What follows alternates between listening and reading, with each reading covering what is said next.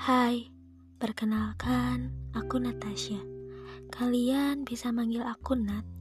Sebelumnya, aku mau ngucapin makasih buat waktu yang mungkin kalian buang sia-sia untuk dengerin bacotan ini.